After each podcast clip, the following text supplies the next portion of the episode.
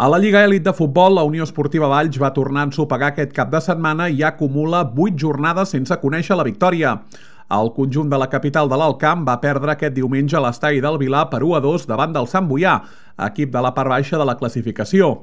Tot i la desfeta, els blancs i vermells, que es presentaven al maig després de caure la setmana passada al camp del Rubí, es mantenen a dos punts de la zona de promoció d'ascens a tercera ref. Pel que fa a la zona de descens, es troba a 5 punts.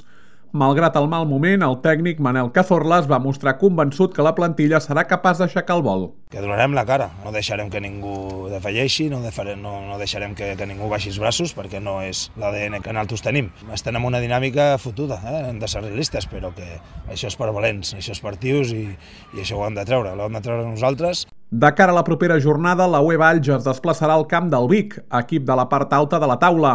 L'enfrontament es disputarà dissabte a les 4 de la tarda.